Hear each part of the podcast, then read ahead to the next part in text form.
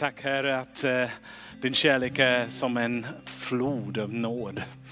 Eh, och vi vilar i det, vi badar i det. Vi dricker det, vi tvättar oss i det. Det är livets vatten. Tack för din godhet som vi har varit påminnade om. Och tack att du finns här nu. I Jesu namn. Amen. Amen. Tack så mycket. Härligt att få predika för er. Jag har valt en text från Galaterbrevet, Galaterbrevet, ja. kapitel 6. Det var Karen som läste för mig på, på morgonen. Jag är en bortskämd man som min fru väcker mig varje dag med en kopp te och läser en bibelord för mig. Ni kvinnor som vill vara bra, det, det finns mål. Det är otroligt starkt. Och hon läste den vers för mig häromdagen och, och jag har grubblat över det hela veckan. Och det står så här i Galaterbrevet kapitel 6 och jag ska läsa från vers 7. Där vi läser det där. Bedra er inte själva. Gud lurar man inte. Den människan så ska hon också skörda. Den som sår i sitt kött får av köttet skörda undergång. Men den som sår i anden får av anden skörda evigt liv. Låt oss inte tröttna på att göra gott. För när tiden är inne får vi skörda om vi inte ger upp.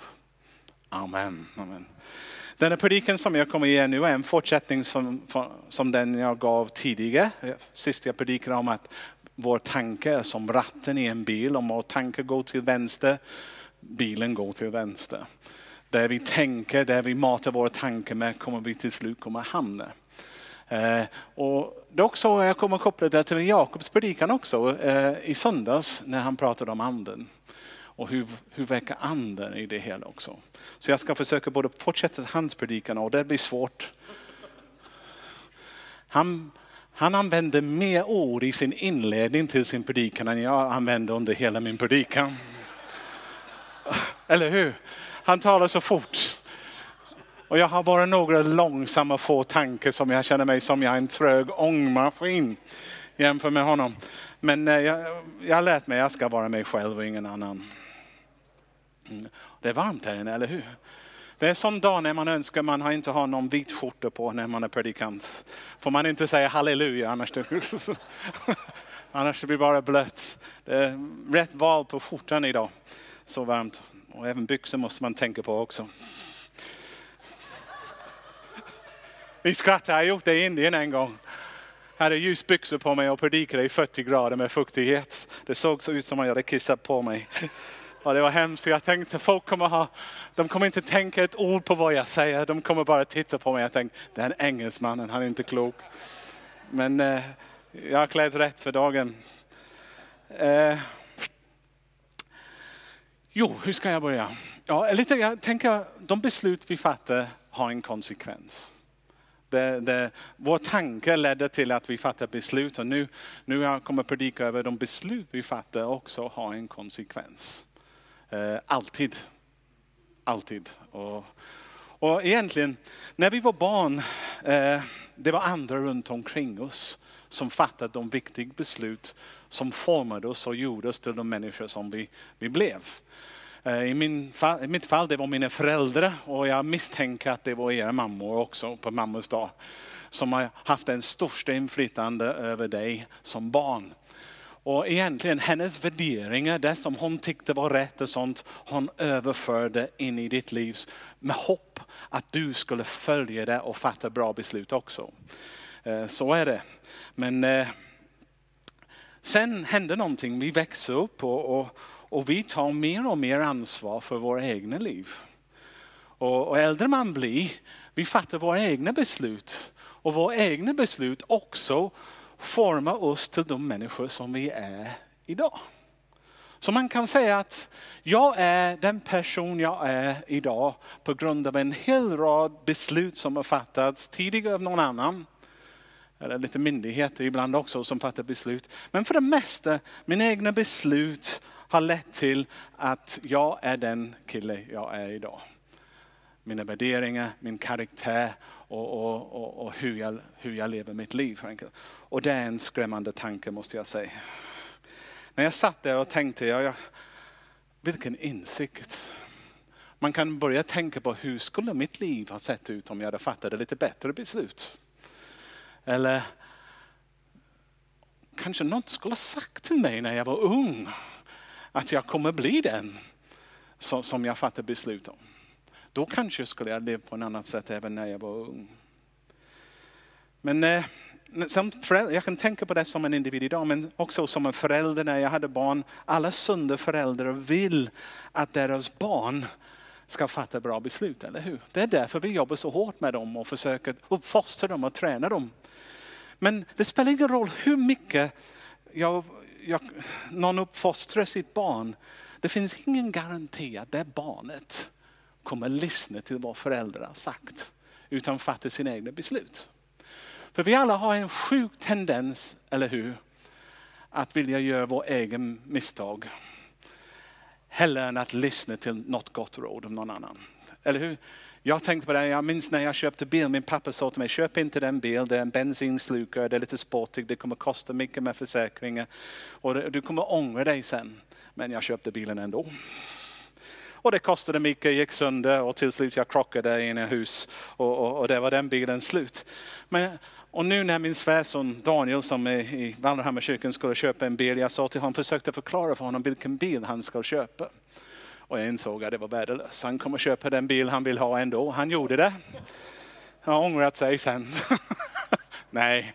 Men man märker att på något sätt det finns någonting i oss som vi vill bestämma. Eller hur? Och vi vill göra det som jag vill. Inte vad någon annan säger. Och tyvärr, mest för det, ganska mycket i vårt liv, vi lär oss av de mis, misstag som vi gör själv. För min egen del är jag väldigt tacksam att jag haft föräldrar som gjorde ett bra jobb tycker jag för det mesta. Jag, jag, måste säga att min pappa och mamma och pappa de levde under veckan som de levde på söndag. Min pappa var en pastor. Det fanns ingen glapp mellan vad han sa från predikstolen och hur han levde ut sitt liv under veckan. Och det har bidragit faktiskt till att jag tog honom på fullt allvar på många sätt. Och, och även om jag inte alltid vill hänga med vad han har sagt, att eh, hans inflytande över mitt liv har varit ovärderligt. Så är det. Och jag skulle säga om du är en sån person också, eh, din inflytande är ovärderligt faktiskt. Det är någonting som ni ska absolut inte underskatta hur mycket ni kan påverka en ung människas liv. Okej, okay, men det, vi, vi, går lite vidare för, för, för jag ska försöka tala fort. Det är en sak att tänka att okay, det är min förälder som, som fattar beslut och sånt. Men för det mesta är det våra egna beslut som formar våra liv. Eh, och, oj, jag kan tänka att men om det är verkligen så att de beslut jag fattar blir en uppsamling, eh, till slut samlas upp och gör mig till den person jag, jag är idag. Då är det otroligt viktigt, eller superviktigt, eller hur? Att jag fattar bra beslut. Så fort jag får den insikt. Och det är både bra för mig och det är också bra för andra. För jag lever inte bara som en individ, jag lever i relation med andra. Och de beslut som formar mig också bidrar till hur jag påverkar de andra människor runt omkring mig. Så det är i allas intresse att jag fattar bra beslut. Och ska säga för er som församling, det är väldigt eh, intresse att jag fattar sunda beslut, annars ni kommer få smäll av det också. Eh, för att vi påverkar verkligen de som vi har inflytande över. Men eh, det är superviktigt att vi kollar vår inre kompass är rätt inställd och justerad och pekar på rätt riktning i livet. Men eh, även om vi inte kan, vi kan inte styra över alla beslut som fattas över oss. Till exempel det finns myndigheter. Jag tänker på mina killar som jag undervisade nu innan gudstjänsten. Ehm, invandrarverket faktiskt kan påverka deras liv ganska stort genom att fatta ett beslut som säger ni måste tillbaka eller någonting. De kan inte göra så mycket åt det. Men vad de kan göra är fatta beslut hur de ska hantera denna dåliga nyheter. eller hur man ska anpassa sig till det. Och på samma sätt, eh, jag kan inte styra över det. Om det finns en bilist som är ute och bestämmer sig för att dricka och sen kör bil. Och på grund av att de är rattfull, de kör mot rött, rött ljus och jag åker förbi med min motorcykel, de krockar i mig. Det kan ha otroligt stora konsekvenser för mig. Det lilla beslut de tog att ta en drick innan de började köra. Om jag överlever då, då har jag faktiskt en möjlighet att fatta beslut. Hur ska jag hantera min ny situation? Kommer jag bli bitter? Kommer jag bli arg? Eller kommer jag att även då fatta beslut att till exempel förlåta den som gjorde det eller något annat. De är viktiga bitar. Och livet är tufft. Livet slänger på oss otroligt orättvishet också. Och vår respons är avgörande. Jag, jag får mycket uppmuntran på denna kille här, Ulf som är här idag. Han har inte fått så mycket i livet om en fruktansvärd sjukdom, kronisk sjukdom. Han kunde välja att fatta beslutet att jag ska bli bitter. Varför kan jag inte vara som alla andra? Men nej, han gör inte det. Han har fattat det beslutet att han vill följa Jesus och vara till välsignelse för andra runt omkring sig. Och gör den bästa han kan under de förutsättningar han har. Och jag tänkte, jag bara, bara ge lite speciell tid med honom och sånt. Han vill till Italien och gå på, vad heter det, lutande torn i Pizza. Men det finns ingen hiss. Så skulle han eller klaga, det finns ingen hiss. och bli arg och bitter. Nej, han, så, han slängde honom på ryggen och bar honom upp så han fick se. Du kan fatta beslut även när livet är emot eller någonting. Allt är inte som man vill som kan ha avgörande betydelse. Du behöver inte följa bara i en negativ eh, spiral ner. Och eh, vi kanske fattar inte riktigt alltid hur mycket våra beslut kan faktiskt påverka andra. Men varje dag fattar vi beslut. Vi så ut som betyder vi kommer skörda. Det är så. Det är inte att du sår och sår och det blir ingen skörd. Det kommer alltid bli en skörd. Om vi sår i anden, om vi sår i Guds hjärta, då kommer vi skörda att vi kommer bli mer lik Jesus så småningom. Det är mycket förbättringar under resans gång. Vi kommer eh, likna den som vi tjänar. Och i Bibeln det finns bara två stycken man kan tjäna. Och en är Gud och den andra Eh, eh, fienden, djävulen. Om man drar det till sin spets. Du kan säga, men jag känner mig själv, men ja det är samma sak. Och det mer man investerar i god saker och god beslut, eh, det bättre det blir för dig, det mer harmoniskt du blir på insidan och det mer harmoniskt du blir för andra runt omkring dig. För du kommer bli den person som Gud hade skapat dig att vara. För när du tar emot Guds ande i dig, det är för att det återställer dig. Det är för att forma dig till den person som Gud hade tänkt. Och vi har inte råd att inte göra det. Vi har inte råd att bara klandra på eller, eller, eller studsa fram och tillbaka hela tiden. Det finns för mycket som står på spel. Och det är så är det den heliga ande som skapar förutsättningar för det livet som, som behagar Gud. Vi har läst bara några vers från eh, Galaterbrevet 6, men kanske Galaterbrevet 5 är den text som är mest känd av alla i Galaterbrevet. Men vi läser lite från kapitel 5, vers 16 till 17. Det står, vad jag vill säga är detta, vandra i anden så gör ni inte vad köttet begär. Köttet söker det som är emot anden och anden söker det som är emot köttet. De två strider mot varandra så att ni inte kan göra det ni vill. Och sen vi kunde läsa också fruktansvärd lista där som säger köttets gärning är uppenbar, sexuell omoral, orenhet, orgie, avgund, avgudadyrkan, okkultism, fientlighet, gräl, avund, vredesbrott, själviskhet, splittring, elära, illvilja, fylleri, vilda fester och annat sådant. Men, det, men jag säger i förväg vad som jag redan har sagt. De som lever skall inte ärva Guds rike på det sättet. Men sen kommer man till vers 22 som är det som vi citerar mest. Ska vi läsa den? Andens frukt däremot är kärlek, glädje, frid, tålamod, vänlighet, godhet, trohet, mildhet, självbehärskning. Sådant är lagen inte emot. Det är inte emot det för att när du lever på det sättet, du kommer inte under lagen. Det finns ingenting där som lagen kan döma. Du lever ovanför det på det, på det sättet. Men när vi tar emot den helige Ande, när vi tar emot Jesus, när vi tackar ja till vår frälsning. Den heliga Ande kommer att bo i oss. Och eh, hans närvaro tillför andligt liv. Och andligt i sin tur som väcker oss till en helt ny dimension i livet. Det livet som vi är skapade för. Augustinus väldigt enkelt så att varje människa har en tomrum i sig som bara Jesus kan fylla. Men om du inte fyller Jesus, ditt liv med Jesus, du kommer försöka fylla det med något annat destruktivt. Men det är bara Jesus.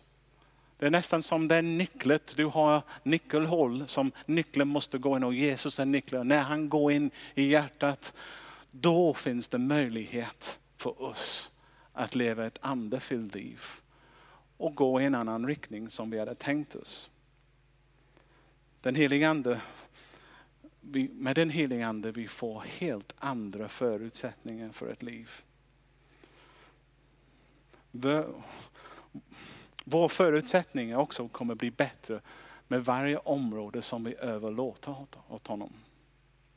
Varför säger jag det? För det finns många människor faktiskt som har blivit kristen under många år men man ser inte någon stor förändring. Man kan tänka hur mycket Jesus har de fått i sig?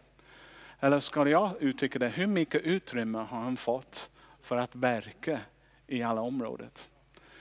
Och det enda sättet att leva en harmoniskt kristet liv är att låta honom vara herre, välde, herre, herre över allt. Till exempel om jag försöker säga, men, men Jesus du kan stå över min familj, du kan stå över mitt yrkesliv och min ekonomi, men min sexualitet vill jag sköta själv. Eh, min fritid vill jag också sköta själv. Eh, eller någonting annat. Man försöker blanda upp det, då kommer vi uppleva en inre krig. När halva av oss försöker göra en sak och den andra halv vill gå en annan väg. En bär god frukt, en gör destruktivitet och det blir bara massa frustration och ett liv som är ganska kaotiskt. Och inte ett liv som, som är väldigt fruktbärande.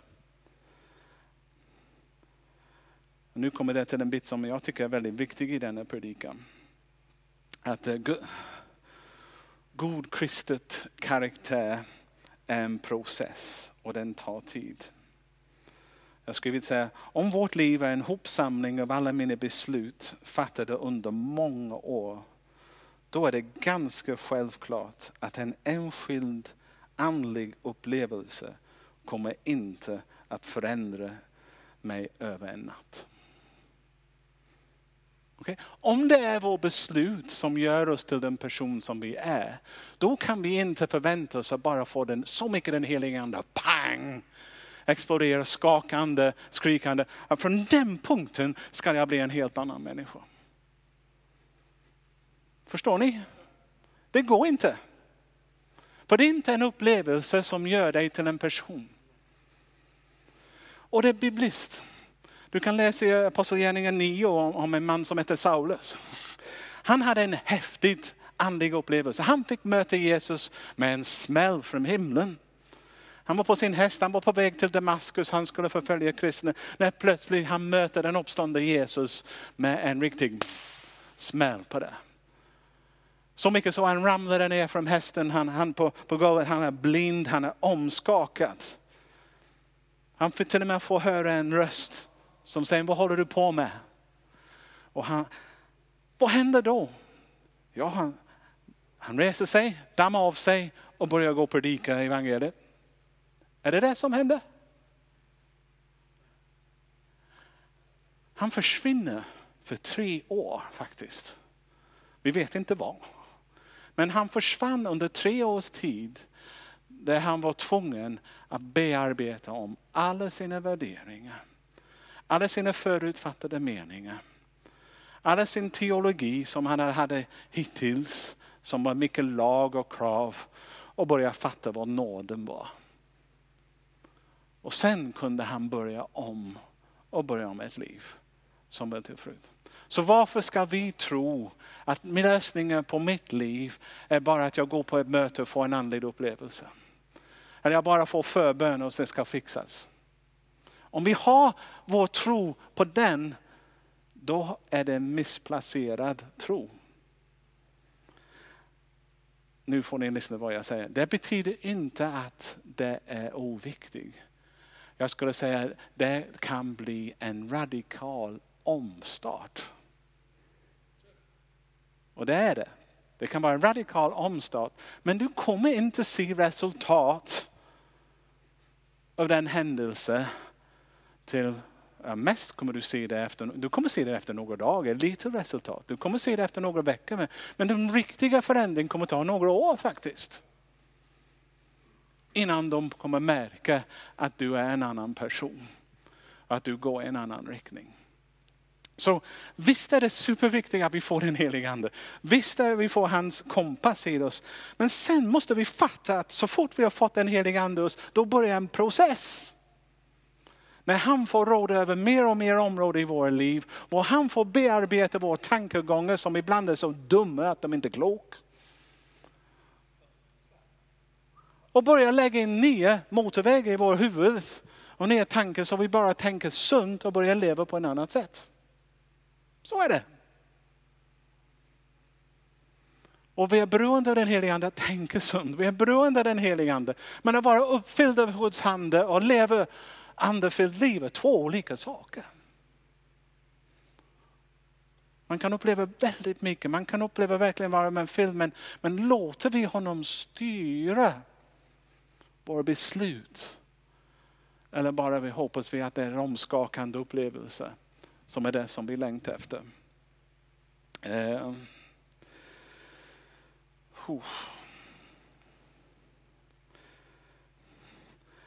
Leder mig till en annan, jag måste hamna in, om man har en sån predikan, man måste hamna i nåd på något sätt också. Man märker att man måste hamna i nåd, annars eh, Jakob kommer sitta där. På första bänken. Och, jag, jag älskar lite utmaningar i predikan. Men så här, så här är det, inte alla är födda i familjer där föräldrar fattar goda och kloka beslut. Inte alla har fått de förutsättningar som jag har fått till exempel. Ja, och många har fått inte bara brist av goda förutsättningar, har fått en massa stryk, hat, bråk, missbruk, allt sånt pumpat in i sitt liv. Och man kan tänka, men okej okay då, vad händer då? Ja, vad händer då? Men jag skulle säga att det betyder ingenting. Det betyder inte att du måste fortsätta i den riktning som du upplevde från andra. Det är lätt för oss att bara ge, ja men jag hade så svårt. Man, man, man nästan ger, ger, en ursäkt för min egen handling. Om min, kan man säga, om min pappa skulle ha gett mig stryk, det betyder inte att jag har rätt att ge någon annan stryk. Någonstans, någon måste bryta det. Om det var någon i din familj som begick sexuella övergrepp, det betyder inte att du måste fortsätta göra det i din familj. Det är ingen självklarhet. Men varje dag fattas beslut. Mm.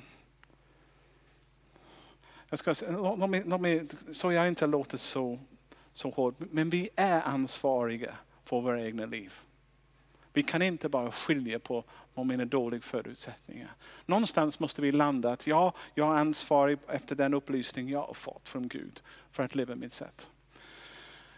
Okej, okay, lite historia. Min pappa var född i en alkoholistfamilj. Min farfar var så alkoholiserad att han knappt kunde jobba. Han sköt inte sin familj alls. Till och med att eh, de hade tio barn och de levde i en slumområde i Liverpool. Och när han berättade om sitt liv tidigare, man kan tänka hur fick han? Han brukar säga till mig, jag fick sova i samma säng som två av mina systrar och en av dem kissade på sig varje natt. Och vi hade ingen dusch och jag gick till skolan nästa dag. Tänk hur hans liv var. Han levde i misär på grund av alkoholmissbruk i sin familj.